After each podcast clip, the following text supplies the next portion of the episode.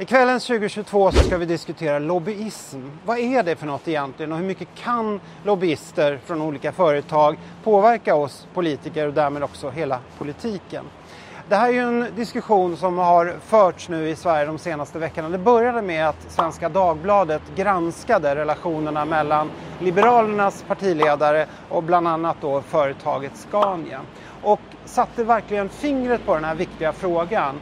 Hur mycket kan företagen påverka politiken genom lobbyister?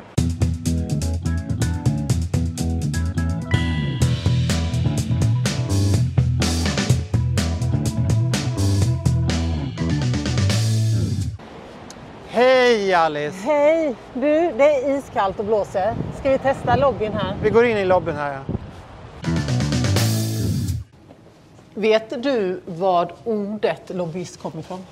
Nej, men det vet säkert du. Annars hade du inte frågat. Nej, precis. Så här var det. Det var en amerikansk president. I slutet av 1800-talet så brukade han gå till en specifik lobby, i en hotellobby, för att ta det lite lugnt. Och när han gjorde det, då passade andra personer, andra gäster på att bjuda honom på ett litet glas samtidigt som de delade med sig av sin hjärtefråga. Nästan lite muta där alltså. Ja, för ett sätt att få honom att lyssna på just dem. Och han började då kalla dem för just lobbyister. För att de hängde i lobbyn och försökte påverka honom. Ja. Och det här med lobbyism är ju jättecentralt för oss här i, i Bryssel. Alltså vissa dagar så svämmar ju nästan inkorgen över med mig som vill, från de som vill kontakta oss. Ja, Bryssel är något av ett mecka för lobbyister. Det sägs att efter Washington så är detta stad nummer två med flest lobbyister. Hela 25 000 lobbyister som omsätter 15 miljarder kronor per år. Alltså enorma summor. Och det är ju framför allt stora företag, men också aktivister som vi kommer i kontakt med oss, miljöorganisationer, myndigheter. Lantbrukare hör av sig till mig många lantbrukare, skogsägare, alla möjliga vill påverka oss, få vårt öra. Och i grunden är ju det egentligen kanske inte ett problem att folk vill berätta för oss. Nej, men självklart inte. Vi politiker behöver ju få information om hur verkligheten ser ut för många olika grupper i samhället. Men däremot så finns det ett demokratiskt grundproblem i det här. För att när det är val då har alla människor som har rösträtt i alla fall en röst var. Men i det här sammanhanget så finns det ju en stor risk att de stora företagen med mest muskler, mest pengar får mycket, mycket, mycket mer makt att försöka påverka oss. Och då blir det en obalans. Och därför är det så otroligt viktigt att den här lobbyismen nu verkligen granskas. Och att vi politiker är öppna med vilka vi träffar. Återigen, det stora problemet är när människor, när väljare inte vet, inte har insyn i vilka intressen som ligger bakom den politiken som vi driver fram, den lagstiftning som vi lägger fram och de beslut vi tar. Eller hur? Verkligen, och det är precis det här som debatten senaste veckan hemma i Sverige har lyft fram. Mm. Och det finns ju en lösning på det här. Mer transparens, mer öppenhet. Och detta har ju vi gröna, vi miljöpartister i EU drivit väldigt framgångsrikt. Verkligen, vi har kämpat för att alla möten med lobbyister och organisationer verkligen ska redovisas.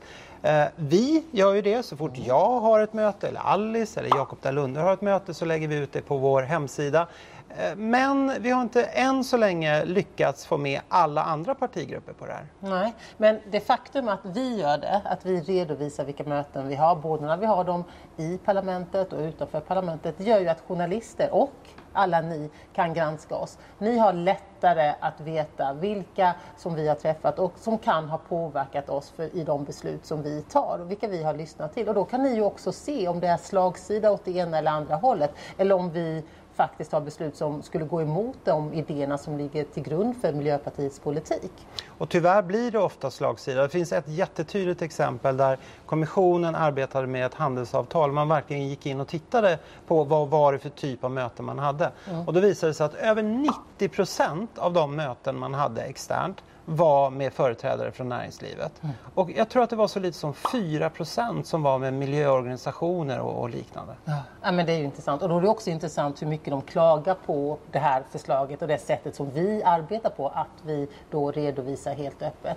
För det finns ju organisationer, och det här är något som de ofta hävdar, men vi kan inte redovisa vilka möten vi har därför att de måste få vara hemliga, för vi ska skydda deras, alltså företagens eller organisationernas integritet. Men då menar vi, för det finns ju en viss sanning i det. Det kan ju vara människorättsaktivister som riskerar sitt, sina liv om de redovisar eller det kommer ut att de har träffat politiker som oss. Men då har vi ett förslag, en lösning på det också.